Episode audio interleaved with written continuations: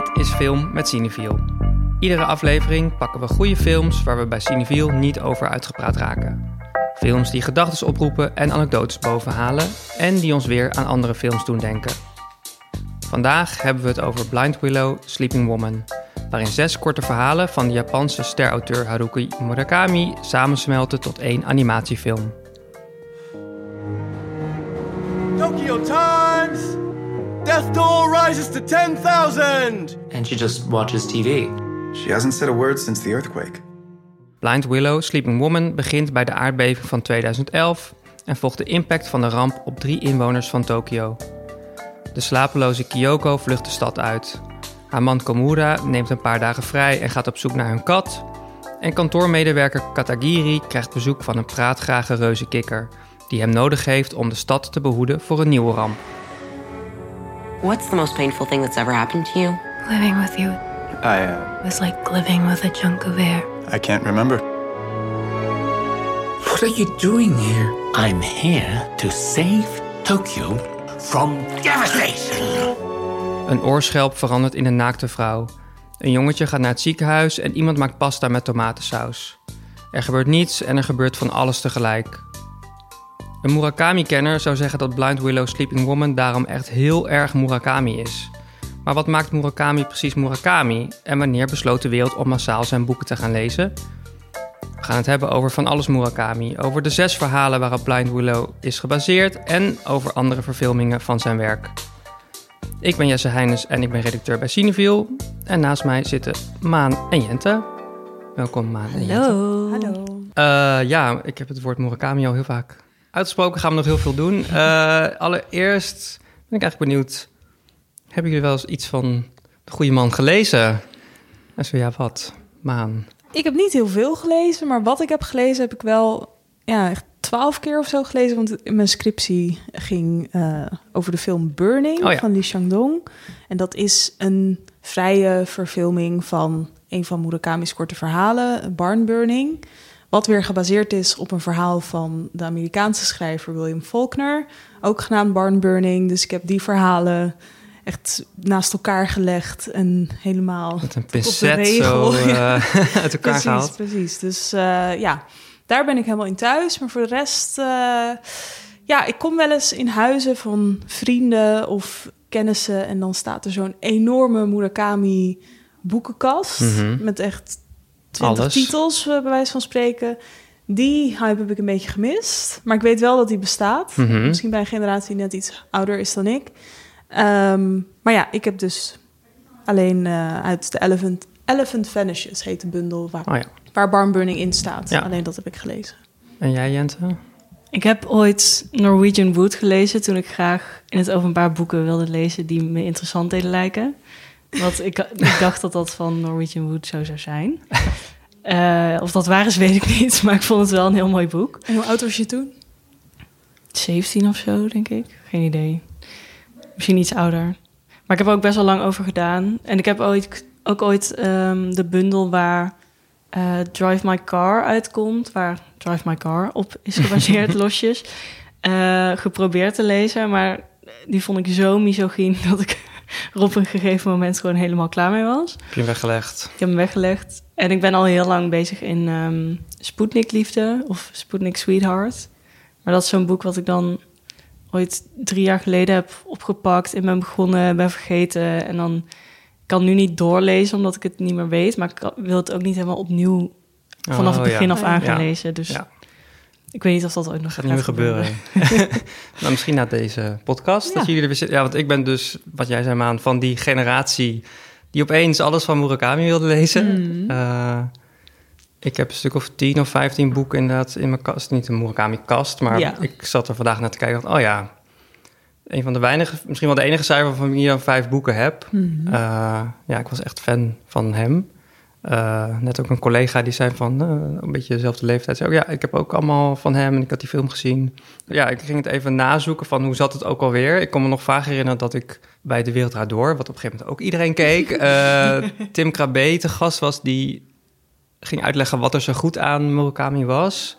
En nu later bleek, las ik, las ik in, voor de research, dat dat soort van in het midden zat van de hype. Want ik vond ook een stuk uit de Groene Amsterdammer van uit 2009 van Joost de Vries. En hij schrijft daarin hoe hij eh, voor zichzelf Murakami heeft ontdekt. En dat was jaren eerder, voordat de hype eigenlijk begon. En hij voelde een Zo beetje alsof... cool, Before it was cool. Ja, alsof Murakami van hem was afgepakt. Oh ja, Nou ja, ja. dat gebeurde in verschillende stappen. Ik ga ze een klein beetje even herhalen. Ehm nou, Murakami, misschien goed om te zeggen, is geboren in 1949 in Japan. Dus een Japanse schrijver. En hij groeit op in het, Amer- of in het Japan dat is bezet door de Amerikanen. Dus hij heeft veel nou, ja, westerse invloeden. En het is echt Ehm, een boomer.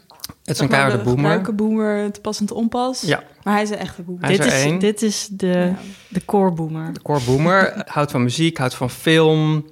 Ehm, Had ook een jazzclub. had een jazzclub, die hij uiteindelijk heeft opgegeven... omdat hij toch ook wel goed bleek te kunnen schrijven. Eh, eind jaren 70 wordt zijn eerste eh, roman gepubliceerd in Japan. En dan even naar Nederland, naar de Nederlandse hype. Eh, in 2003 verschijnen de eerste Nederlandse vertalingen.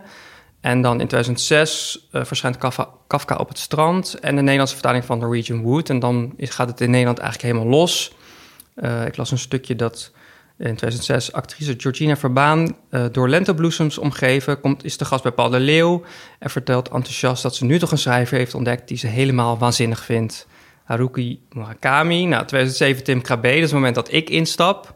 Hij noemt het dan eh, alsof films van David Lynch worden naverteld door Woody Allen. Dat is zijn omschrijving op dat moment. Nou, dan op dat Zo, moment 2007. ja, nou, meer dan 2007 kun je niet hebben. In de wereld draait door. Nou, ik was helemaal, oké, dit moet ik lezen. Maar ik begrijp dus van ehm, Joost de Vries dat Tim Krabbe het helemaal had verknald voor Murakami. Want hij had het zo'n wild verhaal en niemand in de studio werd alleen maar gelachen en niemand snapte helemaal wat hij bedoelde. Ehm, dus de Vries als echte fan van het eerste uur zat er helemaal op te vreten bij Tim Krabbe. Terwijl ik dacht, nou, dit, Ja. dit moet ik kopen. Nou, dat heb ik gedaan. Ja, 2007. Ja, toen zat ik groep 8. Ja, ik was aan het Ja, studeren. was ik kleuterklas. Ja. Ik was student en ik, eh, ik heb, ik heb nou ja, de, de Kafka op het strand, eh, de Wind Up Bird Chronicle, dat is ook zo'n enorme pil, korte verhalen. Eh, ik ben ook volgens mij begonnen met A Wild Sheep Chase, wat dan eigenlijk deel 3 van een trilogie was. Maar dat maakt bij Murakami eigenlijk geen bal uit, want het is toch allemaal een beetje hetzelfde en eh, lekker mysterieus. Dus ik dacht, nou, als ik het niet begrijp, dan hoort dat vast wel. Ehm, Zo David Lynch dus. Zoals David Lynch. En ja, inmiddels is die hype wel een beetje voorbij. Ik zag nog in 2014 schreef The Guardian nog The World's Most Popular Cult Novelist. Ja, volgens mij is dat inmiddels echt niet meer zo. Ehm laatste jaren is hij ook wat meer het nieuws, ook wat jij ook zei van misogyn. Want Zijn, zijn vrouwenpersonages zijn niet de allerbeste, laat ik het maar zo... ja, het is een eh, beetje iemand waarbij ook niet eh, heel extreem, niet een soort, eh, weet ik veel, eh, hoe heet die, Jordan Peterson. mhm, Niet, ja. die, niet Nee. die hoek van Nee. het spectrum, maar wel ergens op het spectrum van ja, mensen die heel goed gaan op Manic Pixie Dream Girls en daarin geen ruimte vinden voor een kritische noot daarop. Ja. Ja. Dus dat, ja, in, in die hoek. eh, maar ja, aan de andere kant, als je realiseert dat een hoop van de titels die veel gelezen worden, dat dat eh, geschreven is in de jaren 80, in de jaren 90.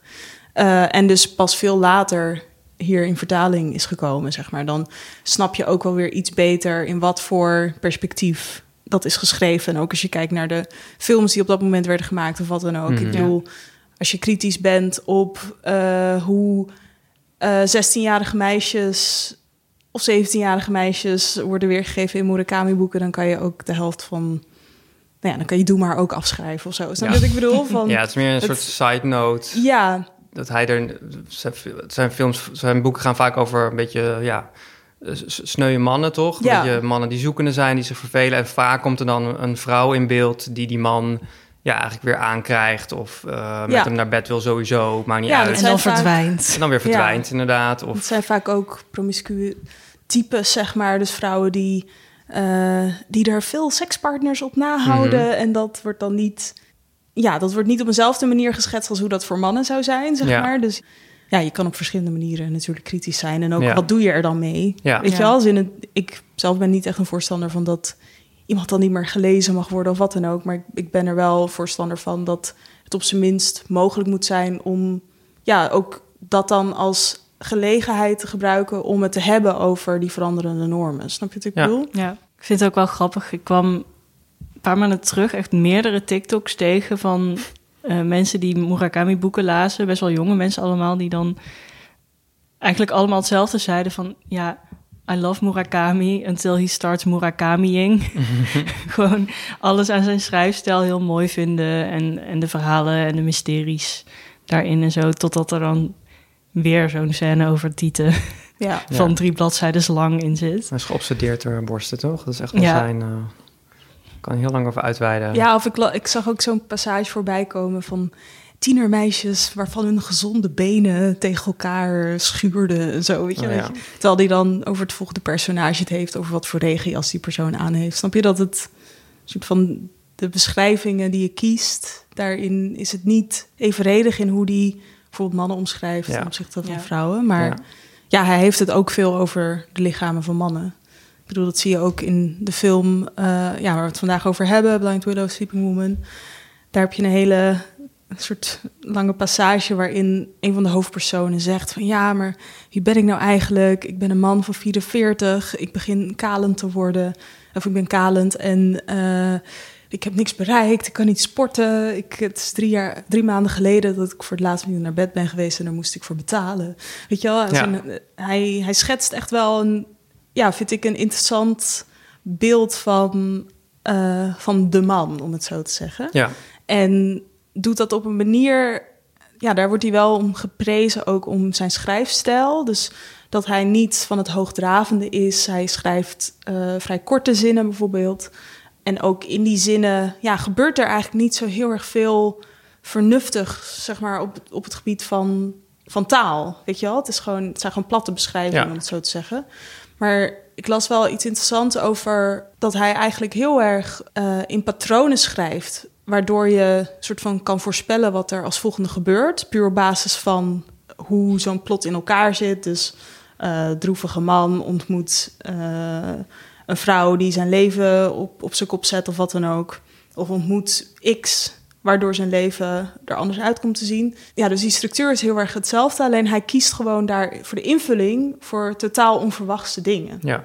Dus, oh, het is een vrouw inderdaad, maar ze doet iets heel raars, weet je wel? En, en dat, dat geeft toch een soort spanningselement, waardoor je het niet nodig hebt dat die taal heel erg vernieuwend is of heel erg hoogdravend of wat dan ook. Weet je? Ja, het is heel toegankelijk eigenlijk. Ja, ja. En ik denk dat misschien dat hij daarom ook zo veel gelezen werd, Mhm. of wordt. Ja, dat hij toen ook zo, zo makkelijk, zo snel populair kan worden. Van, je hoeft Ja. niet gestudeerd te hebben om zijn boeken te begrijpen, terwijl er wel hele bijzondere dingen in gebeuren. Ja, Ja. Ja, ik denk dat ook wel weinig mensen die ervaring hadden van... oh, dit is een super gehypte schrijver, dit moet ik lezen. En het dan lazen en dachten van... oh mijn god, kom hier niet doorheen. Mhm. Ik vind het vreselijk. Eh, waarom is dit zo pretentieus? Het is wel pretentieus op een bepaalde manier... maar het is inderdaad wat je zegt heel toegankelijk. Dus dat helpt ook al bij die hype. ja, Dat de hype ook dan enigszins waar gemaakt wordt. ja. ja, en ergens ontkracht het zichzelf ook de hele tijd in die, zeg maar, die pretenties. Zeg maar. Mhm. Dus weet je wel, het zijn juist personages eh, ja, die er ergens ook goed op gaat om dan zo jazz te luisteren en ervan te genieten dat hij jazz Ja. aan het luisteren is. Mhm. Zo van, oh, kijk mij nou, Ja. met een glas wijn jazz luisteren. Snap je? dat is ook een beetje, nou ja, Jent, wat jij net beschrijft, dat je dan zo ergens gaat zitten op een bankje. Ik zag het laatst, toen was ik in de Starbucks op, op een station en toen zat daar een meisje van 13 of zo, zat daar heel erg opzichtig dan zo'n boek te lezen. Toen dacht ik, Ah, yes, love her. dit is echt die ervaring inderdaad, die, Ja. ja. die, die, eh, waar je dan doorheen gaat, van jezelf in de wereld zetten op Mhm. een bepaalde manier. Ja. Ja, ik heb letterlijk in een bioscoop gezeten in mijn eentje met het Murakami-boek. en toen kwam een collega de, zeg maar, de zaal uit. Ik dacht, yes, ik ben gespot met een Murakami-boek in het wild. Look at me. Ja. Ehm, ik moet wel zeggen, ik heb dus heel veel gelezen van hem. En jij zei net ook maar van, nou ja, het heeft steeds een bepaalde structuur. Dus ook bij deze film, waar eigenlijk zes verhalen samenkomen op een, ja, op een bijzondere manier. Eigenlijk is het één verhaal of twee misschien, of drie. Maar dan eigenlijk zes. Eh, Mhm. dat ik heet het zat van, dit heb ik ergens gelezen, maar waar ook alweer? Ja. Oh, dit heb ik ook ergens gelezen, maar dat ik Oh, eigenlijk... kat. Iets met een kat, iets met een vrouw Ja, die dat kan verdwijnt. boek van Murakami Eh, komen. Spaghetti. Wat zien we eigenlijk als we naar Blind Willow, Sleeping Woman kijken? Waar, waar kijken we eigenlijk naar? Wat is het? Ja, het is, het is ten eerste een animatiefilm. En ja, to- toen ik Burning keek of Drive My Car, weet je, dan voel je in alles, vind ik wel heel erg een soort ja, Murakami-gevoel. En daar kunnen we misschien later nog meer over hebben, waar dat in zit. Alleen hier was het gewoon echt helemaal, gewoon één op één Murakami. Dus de gedachte, zeg maar de, de wereld die er ontstaat in je hoofd als je de boeken leest, weet je wel, daarvan dacht ik echt van, oh, hier hebben ze op de een of andere manier een essentie weten te, te grijpen die daar heel erg bij aansluit. En de regisseur Pierre Foldes, Folde, ik weet niet. Het is een, het is een Fransman. Ja, maar met een Hongaarse naam, dus ik Mhm. weet niet hoe... We precies kunnen hem ook gewoon Pierre noemen. Pierre. Pierre. Onze Pierre, die eh, is van huizen uit componist. Mhm. Dus hij heeft ook de score van deze film geschreven. Alleen, hij komt uit... Zijn vader was ja, best wel toonaangevend animator.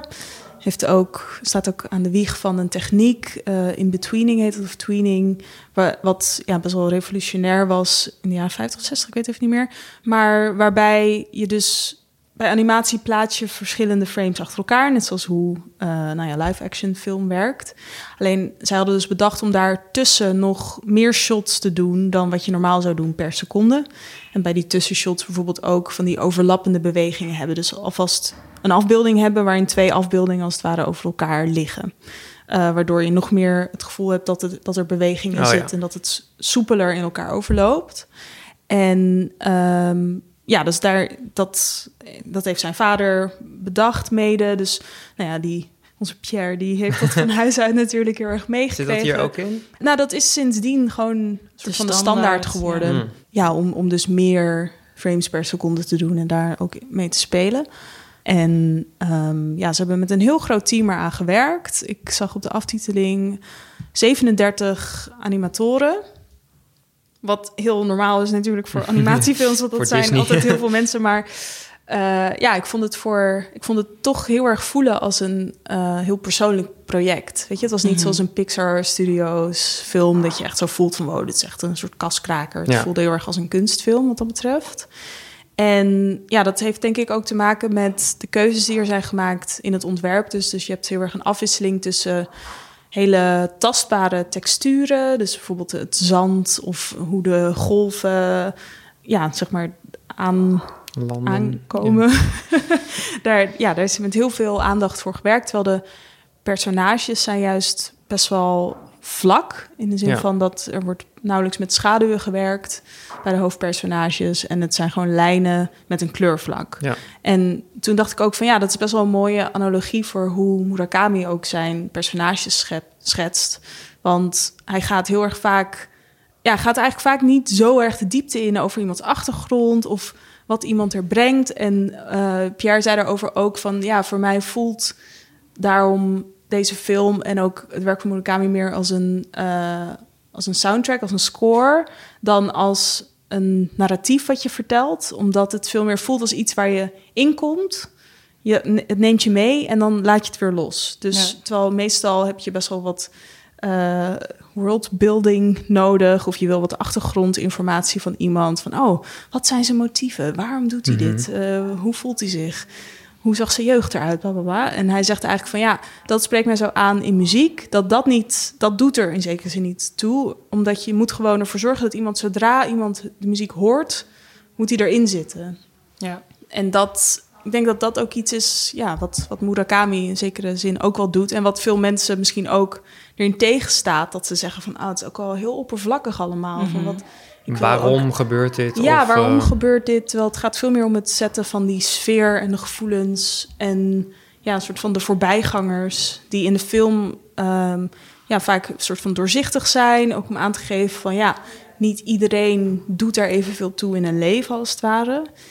Ehm, Want ook de mensen in de stad bijvoorbeeld, die Ja. zijn zonder gezicht, zijn een soort vlekken bijna, toch? Ja, Er ja, zitten ja. helemaal geen details wat dat betreft, ook omdat dat niet, dan eigenlijk niet belangrijk is. ja, het deed me ook al denken aan een van de treinscènes uit Spirited Away. Waar Ja, je ook heel zo erg.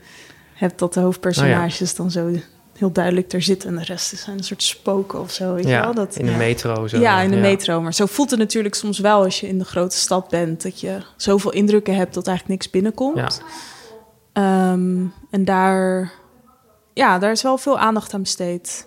In Ik vind dat wat je net zei over dat de personages niet echt blijven hangen en zo. Mhm. Dat, dat heb ik ook eigenlijk bij elke Murakami-verfilming tot nu, die ik heb gezien dan gehad. Dat ik heel erg in het gevoel bleef hangen en heel erg met dezelfde soort van existentiële crisis achterbleef als de personages. Maar ik nooit meer heb gedacht van... Oh, wat erg wat dit personage is overkomen. Of wat fijn dat dit een happy end had of zo. De, Mhm. de, de manier waarop je iets gaat geven om die personages is zo anders dan bij de meeste films. Omdat je, je geeft niet echt om hun. Ik niet tenminste. Mhm. Maar meer om de... Ze zijn meer een soort means to an end... om die gevoelens Ja, te laten indalen of zo. ja. Wat ook wel een interessant detail is in het maakproces... dat je hebt natuurlijk vaak zo dat... eh, hè, voor bijna iedere film wordt er wel iets getekend. Of het nou live action is of animatie. Je hebt namelijk vaak een storyboard waarmee wordt gewerkt. En eh, dat is ook hoeveel animatoren geld bij verdienen, als het ware, om storyboards te tekenen voor live action films. Alleen hier is het zo dat, eh, dat Pierre.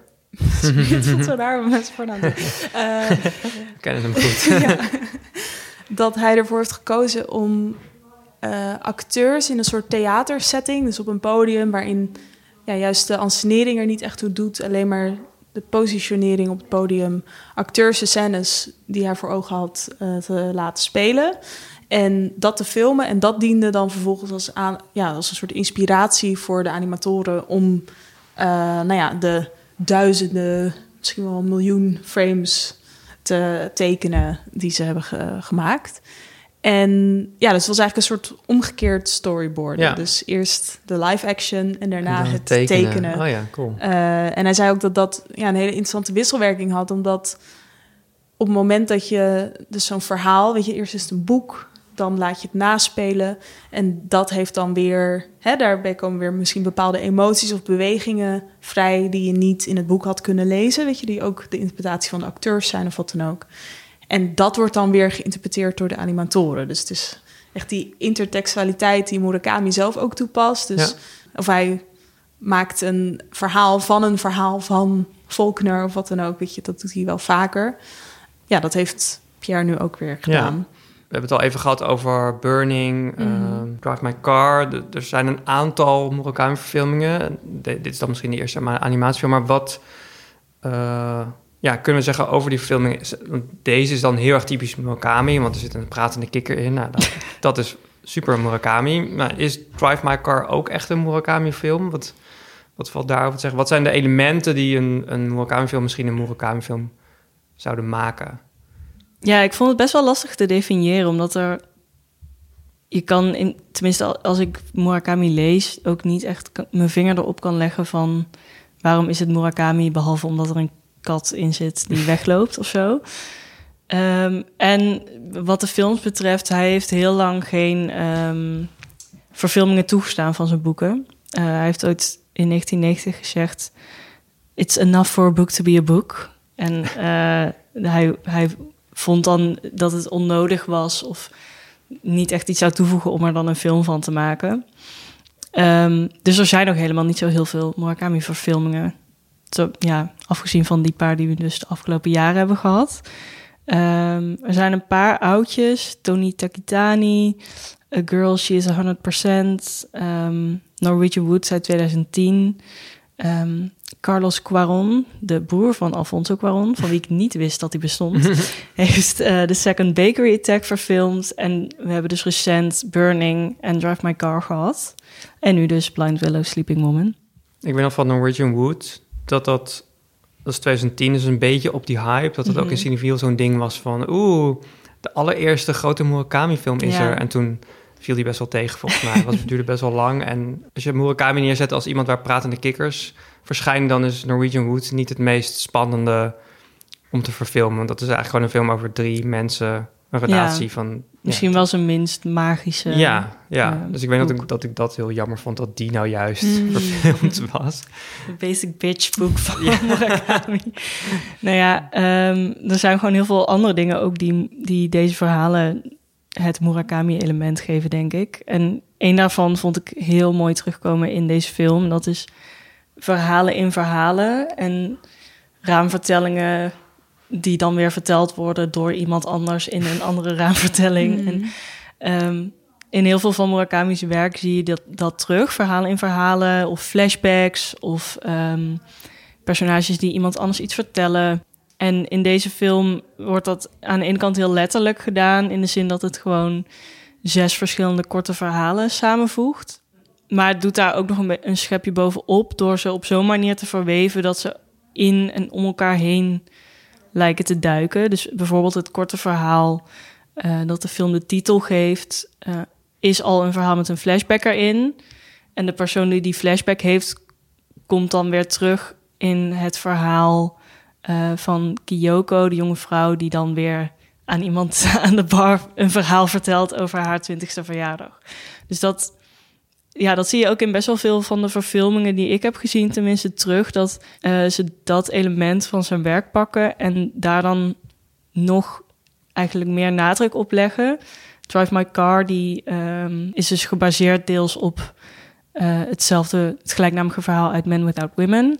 Maar die eh, vervlecht dat verhaal dan weer met een ander verhaal uit die bundel. En voegt daar dan ook nog het werk van Chekhov aan toe. Dat verhaal loopt dan weer parallel aan, het, aan de main Drive My Car storyline. We hebben over Burning en En over Drive, Drive My, My Car. Car trouwens ook een podcast gemaakt. Zeker. Zit even in de show notes zetten. We love Murakami. Ja, eh, die eh, zou ik ook zeker luisteren. Ik ga ook nu Mhm. niet te diep in op Burning of Drive My Car. Maar dat is een van de dingen die, vind ik, heel duidelijk terugkwam ook in deze film.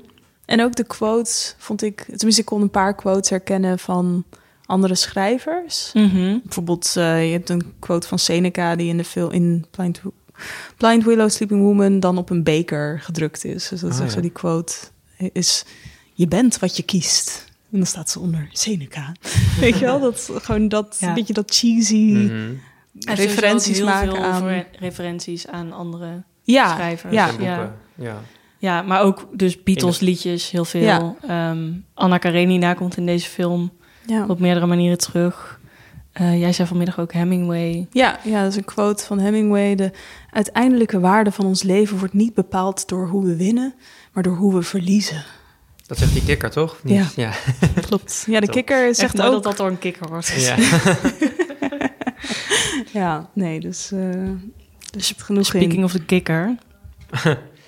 Nog zo'n Murakami-element is dus dat bovennatuurlijke en eh, dat magische realisme die dan vaak... Vaak is dat niet super letterlijk, tenminste niet in de boeken en de verhalen die ik heb gelezen, maar is er toch altijd een soort van mysterieus element waar je niet helemaal je vinger op kan leggen en waarvan je denkt, is dit nou, is het echt of niet echt? Zoals de kat. En als het echt is, is het dan echt bovennatuurlijk of is er dan nog meer aan de hand? Ehm, en dat zie je dus minder vaak terug in de verfilmingen, heb ik het idee. En ehm, eh, de regisseur van Drive My Car, Ryusuke Hamaguchi, eh, die, die heeft ook in interviews gezegd van ja, daarom is zijn werk zo moeilijk te verfilmen. Omdat hij in een boek heel makkelijk tussen realisme en magie of eh, surrealisme kan switchen zonder dat het heel raar is of heel erg je uit het verhaal haalt. Terwijl als jij een hele realistisch gefilmde scène hebt en daar ineens een gifgroene CGI-kikker in stopt, dan, Ja. dan is het best wel silly en ehm, word je heel erg uit het verhaal getrokken. Dus in Drive My Car bijvoorbeeld heeft hij bewust gekozen voor een, een verhaal wat best wel in de echte wereld gegrond was. En ik denk dat daarom ook Blind Willow Sleeping Woman zo goed werkt als animatiefilm. Ja. Omdat Ja. je in animatie gewoon veel meer magische elementen kunt toevoegen zonder dat het... Dan kan je opeens een worm over Tokio laten vliegen. Ja, die dan net een trein was. Ja, ja, ja. Ja, ja dat, ik vind het ook wel mooi dat dat dan nu in deze film wel terugkomt. Omdat dat, ik denk dat heel veel mensen zoals wij heel veel eh, van Murakami's werk vooral via film kennen. En dat specifieke element er helemaal niet zoveel in terug is gekomen tot nu. Mhm. Wat ik ook vind dat deze film heel goed vangt, is de toon van Murakami. Tenminste, ik weet niet of jullie dat ook vonden. Maar eh, er zit altijd best wel veel absurdisme in, heb ik het idee. En een soort droge humor die niet mensen zijn niet echt grapjes aan het maken of zo, maar ze, ze praten op een manier en er gebeuren dingen die gewoon zo onzinnig zijn dat het heel grappig wordt. Ook al gaat het over best wel zware onderwerpen, zoals deze film eh, is ook gebaseerd op verhalen over de tijd na een hele zware aardbeving of zo, maar dan is er wel ineens een pratende kikker. En mensen lijken ook heel erg in te stemmen met hun noodlot, als het ware. Mhm. Dus weet je, waar, waar veel verhalen hun, hun eh, spanningsboog zouden halen uit verzet tegen Ja. de ondergang of verzet tegen conflict of wat dan ook, is het hier heel erg van, oh, oké, eh, ja, ik ben een droevige man. Niks aan Oh, mijn vrouw is weg. Ja, weet je wel? Zo van, oké. Ja. En dat heeft ook iets heel spannends, gewoon dat het atypisch is om dat Ja. zo te zien. Ja. Ja, het deed me soms ook een beetje denken aan eh, de films van Yorgos Lantimos. Wat ik Mm. ook niet had verwacht, die connectie. Maar zo net als in, in The Lobster, Ja, waar gelijk, overigens ja. ook een hele sneu man de hoofdrol speelt. Eh, diezelfde, eh, hoe heet dat ook alweer? Deadpan. Mm. Diezelfde deadpan manier van praten en eh, dat monotone, maar ook heel formele met elkaar. En dan soms ineens uit een onverwachte hoek heel grappig zijn. Hmm. Dat, eh, ja, dat herken ik hier heel erg in. En eh, misschien tot slot, hebben jullie nu zin om weer Murak, weer, ja, zin om weer Murakami te lezen? Of denk je van, nou, ik heb mijn portie alweer gehad? Ik vond deze film best wel eh, Genoeg. genoeg. Ja.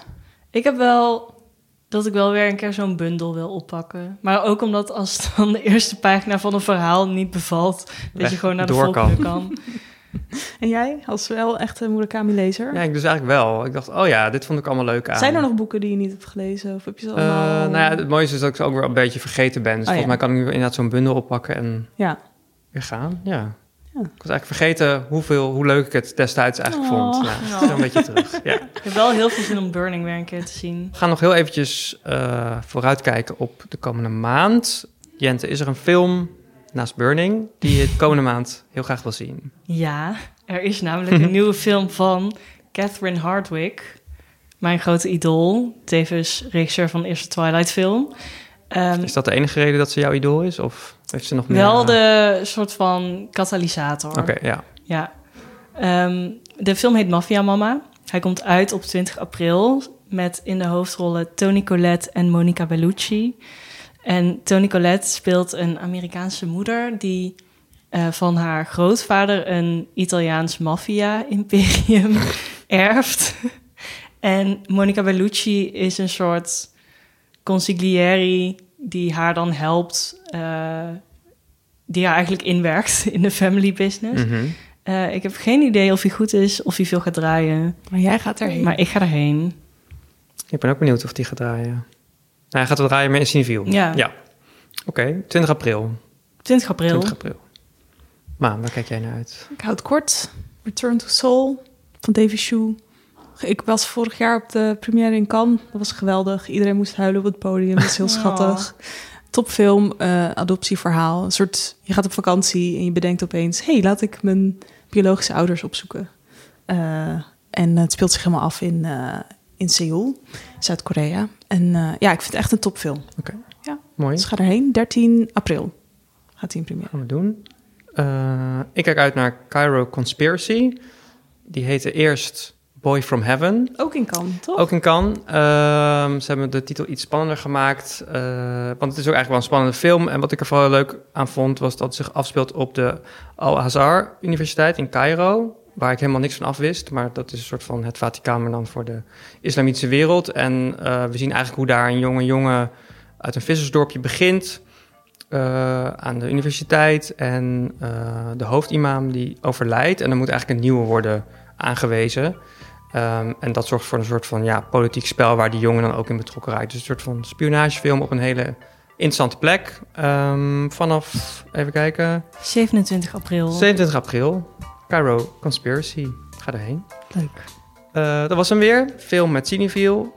Blind Willow Sleeping Woman is vanaf vorige week, dus nu al te zien in jouw filmtheater. Wil je weten welke films er nog meer te sprake kwamen? Check dan onze show notes op de website. En wil je op de hoogte blijven van alles wat er speelt, schrijf je dan in voor de nieuwsbrief. Heb je vragen, heb je suggesties? Welke film moeten we komende maand bespreken? Laat het ons weten op podcast.cineview.nl. bedankt voor het luisteren en dankjewel Maan en Jente. Jij tot, ook de bedankt. tot de volgende keer. Doei. Doei doei. Doei.